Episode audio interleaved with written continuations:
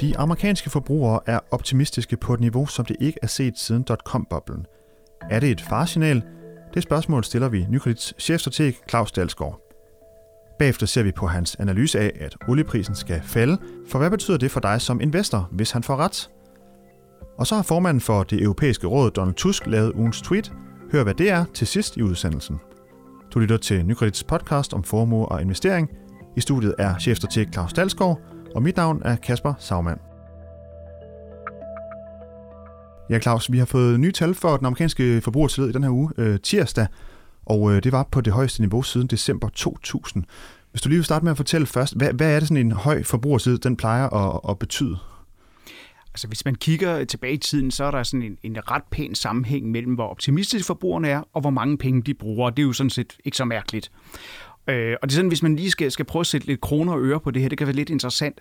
Det er rigtigt, altså forbrugersiden er sted helt vildt øh, de sidste øh, seks måneder. Øh, virkelig kickstartet, da, da, da Donald Trump han blev valgt som præsident. Øh, så stigningerne de er sådan historisk omfang, og, og som du siger, så er niveauet også kommet op, som vi skal virkelig tilbage til de glade dage, og det var glade dage under dot-com-boblen. Lidt, øh, lidt, for glade dage, lidt, lidt for glade dage måske endda. Det, det, er jo, det er jo også det, og det er også derfor, hvis man gerne vil, vil tage de sorte briller på, det har jeg så ikke nogen idé om, hvad vi gør, men hvis så klart, så kan man godt bekymre. Så da godt sige allerede nu, at vi skal nok ikke regne med, at det fortsætter i det her tempo. Vi er op der, hvor, hvor der begynder at komme noget træhed, hvor der så kommer noget realitet bagved. Men bare lige for at sætte det over i nogle kroner og øre, det tror jeg er sådan lidt interessant. Altså, vi ved, at USA er verdens største økonomi. Vi kan diskutere, om Kina øh, er ved at være der. Øh, vi ved, at den er drevet rigtig meget af de private forbrugere. Cirka 70 procent af amerikansk økonomi er faktisk privat forbrug. Så hvis vi lige sætter kroner og øre på det her, hvis de skulle have det samme vækst i deres privatforbrug, som de havde sidst, vi havde forbrugertillid på de her niveauer, jamen så skulle man faktisk tilføre amerikansk privatforbrug, hvad der svarer til danske BNP, altså godt 2.000 milliarder kroner. Så så meget er forskellen. Så det, der sker nu, er faktisk, at vi har sådan her divergens mellem, hvor optimistiske forbrugerne øh, er, og hvor mange penge de faktisk bruger. Så vi har sådan et gab. Så det bliver selvfølgelig sindssygt spændende, hvad der kommer til at ske fremadrettet. Og sådan uden at, at få lige at tage den her, den her relation tilbage til, til, til dotcom-boblen, og hvor bekymret man skal være, og ingen tvivl om, at det, der foregik under, under dotcom-boblen, og senere, da, da vi havde de voldsomme husprisstigninger, det var et overforbrug. Det var altså, amerikanerne brugte penge, som de lånte, i stedet for at basere på dem, de tjente. Det er slet ikke det, vi ser for øjeblikket det, øh, vi kan godt se, at for bredt fokus lidt op, fordi altså, amerikanerne har rigtig, rigtig, rigtig meget at være glade for øh, hele vejen rundt. Men øh, vi tror simpelthen ikke, at vi kommer til at se den situation, vi har set i tidligere, bob, øh, tidligere øh, bølger, hvor de simpelthen låner for forbrug. De er stadigvæk sådan lidt lean og mean og, og bruger de penge, de faktisk tjener. Så vi kommer ikke til at se lige så meget vækst i privatforbrug, forbrug, som tallet i sig selv kunne indikere, øh, men det bliver en, en, altså et, et mere velfunderet øh, øh privatforbrug, forbrug, vi kommer til at se.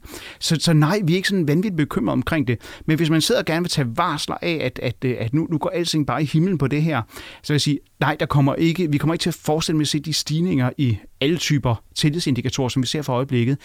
Vi må, må begynde at nærme os sådan et peak på, hvor optimistiske folk kan være, og så vil de også gerne se underliggende, om tingene bliver realiseret. Og øh, nu ser vi altså som sagt det her høje forbrugertillidsniveau, øh, og det, du siger, det betyder normalvis, at, at vi, vi, altså, der er udsigt til et højere privatforbrug øh, ja. blandt øh, de amerikanske borgere. Hvornår vil sådan noget kunne, øh, altså de er glade, de, har en høj, de er optimistiske nu, hvornår er det så, at de plejer at, at begynde at bruge, at bruge nogle flere penge? Jamen, vi, vi skal se det i år altså på basis af det her. Jeg synes det er også værd at sige, det er jo ikke en optimisme, som kommer fuldstændig ud af den blå luft. Altså, hvis jeg var amerikaner... Ja, de grund, har de grund til at være så optimistiske? Ja, jeg, jeg synes, hvis jeg var amerikaner, så, så ville jeg også godt kigge mig i spejlet og, og, og sige sådan på, på godt vestjysk, ikke, at det, det, det kunne være meget værre. Øhm, pæn reallønsfremgang, de læner sig op af noget, som vil minde om fuld beskæftigelse. Øh, lønningerne er ikke steget så meget endnu, men, men der er dog en lille smule pil opad der, og inflationen er, så er inflationen altså heller ikke højere, så du får faktisk reallønsfremgang. Vi har øh, en, en præsident, som øh, måske ikke har leveret så meget endnu, men som har lovet en masse ting, blandt andet nogle sko- store øh, skattelettelser, øh, som, som du kan glæde dig til. Og så har vi også noget, der betyder rigtig meget for almindelige amerikanere. Øh, det er jo også det til huspriserne sted med næsten 6 procent. Det betyder meget for mange. Og så at, øh, at benzinpriserne er lave, øh, energipriserne er lave. Det betyder altså rigtig meget. De, de kører rigtig, rigtig mange kilometer. Vi nærmer os den berømte driving season, hvor det virkelig betyder noget, hvad det, hvad det koster at fylde bilen op. Så altså, de lave oliepriser øh, øh betyder altså også noget øh, for dem, så de har rigtig mange ting at være glade for. Og hvis nu vi øh, antager, at de amerikanske forbrugere rent faktisk begynder at bruge flere penge, om, om vi får væksten op på 5%, det, det må vi se, men øh, lad os sige, at de begynder at, at virkelig at, at fyre, få øh, Mastercardet til at køre pendulfart. Hvad er det for nogle virksomheder og sektorer, der vil, det vil gavne sådan særligt? Der er ingen tvivl, så skal vi kigge på det sted øh, for forbrugs, øh, øh, altså selskabet producerer produktionsvarer. Og jeg vil sige, øh, det er jo ikke nogen hemmelighed, at vi, vi lige stadigvæk har sådan lidt mere kærlig blik på de amerikanske aktier kontra de europæiske. Det er ikke fordi, vi ikke synes, at europæiske er enormt interessant, men vi vil gerne lige overstå den politisk risiko først. Men ingen tvivl om, at hvis vi kombinerer det her med nogle af de her Trump-ting omkring, altså Buy American og America First og alle de her ting, så lugter det lidt af, at, at det er specielt de amerikanske selskaber, som kommer til at nyde i første gang mest øh, godt af, af eventuelt en stigende forbrug i USA. Men altså, vi får ikke det forbrugsboom, vi får specielt ikke et lånfinansieret forbrugsboom, øh, som vi har set tidligere. Det, det, det er jeg sådan ret sikker på, men, men vi, vi kommer nok til at se noget løft, øh, og jeg tror også, det bliver, bliver i første omgang amerikanske virksomheder, som, som kommer til at nyde godt af det. Nogle af dem er så også priset til det, men, men, men det bliver dem, der, der vinder først. Øh, og så har vi lidt ud af, det, det, måske ud af et sidespor, man siger, hele diskussionen også, hvad er det for en type skattelovgivning, der kommer fremadrettet. Den, den tror vi tager en anden gang, men, men, øh, men diskussionen går stadig på, at man får den her såkaldte border tax, hvor man jo også skattemæssigt prøver ligesom at, og, øh, at favorisere indlandsproduktion kontra import. Og øh, det vi kan se, det er også med de her øh, forbrugertillid, den var på det niveau, der hedder 125,6 analytikerne havde forventet, at den ville være på 114, så alligevel et, et pænt gab der. Øh, er det normalt, at, at analytikerne tager så meget fejl? Ej, øh, jeg vil sige, det generelt er det med alle tillidsindikatorer her, at vi får den ene positive overraskelse efter den anden. Ikke? Hvis man sådan skal lige være, være rigtig nørdet, så kan man jo kan man sidde og lave sådan nogle indeks over graden af overraskelse af nøgletal. Og det så kan man sige, at det gælder både for Europa og USA, at vi har en, en, en altså, bliver generelt meget overrasket, positivt overrasket med nøgletallene for øjeblikket. Det var sådan, de seneste måneder, og det er et rigtig, rigtig godt tegn. Men det er sådan, at der, hvor vi specielt bliver positivt overrasket, det er faktisk på tillidsindikatorerne, øh, som, som virkelig bonger ud. Så vi, vi sidder altså måned for måned stort set hver gang og klør os i hår, at det kan ikke blive ved det her, og så bliver det altså ved. Øh, og det må vi så bare sige øh, skam til os, men, men, men, men virkelig, virkelig grundlæggende optimisme både blandt virksomheder og blandt forbrugere for øjeblikket. Men det er jo altså godt for markederne. Så skal vi videre og snakke lidt om øh, olie. Øh, Claus, du sendte en analyse ud øh, her for nogle få dage siden, hvor øh, du skriver blandt andet, at I forventer øh, lavere oliepriser. Og øh, først og fremmest vil du lige fortælle olie, øh, hvorfor er det, det er noget, I sidder og, og beskæftiger jer så meget med i din afdeling? Jamen, altså, man kan næsten ikke overdrive, olien er stadigvæk sindssygt, sindssygt vigtig. Altså, der bliver produceret øh, 96 millioner øh, tønder olie om dagen, og det er suverænt den, den vigtigste råvare, der findes, og den øh, er jo stadigvæk også sådan, den har sådan et benchmark-status i forhold til mange andre øh, energikilder, så selvom strømproduktion, som kan komme fra vedvarende kilder, atomkraft og alt muligt andet, men det er stadigvæk sådan, den er sådan lidt benchmark, som alting bliver målt op imod. Så, så olieprisen er, er sindssygt vigtig, og den indgår jo, altså først og fremmest betyder den rigtig meget for transport, hvor den jo endnu ikke rigtig har alternativer. Altså når man skal fylde øh, et fly op og, og en lastbil op og, og øh, stadigvæk også primært privatbiler op, jamen så er det altså øh, olie øh, og benzin, vi snakker, og diesel, vi snakker omkring. Altså cirka 65 procent af alt, alt olieforbruget går faktisk til, til transport. Så, så det er den rigtig, rigtig vigtige, Også noget, hvor ganske almindelige forbrugere kan jo mærke, altså uge for uge. Øh, vi kører selv i min familie 50.000 km om året. Så at sige, det, det sker jævnligt, at vi lige skal omkring en tankstation, så man kan altså godt mærke, om, om dieselen koster, koster 8 kroner, koster 10 kroner. Øh, det, det gør faktisk en forskel, når, når, når året er omme.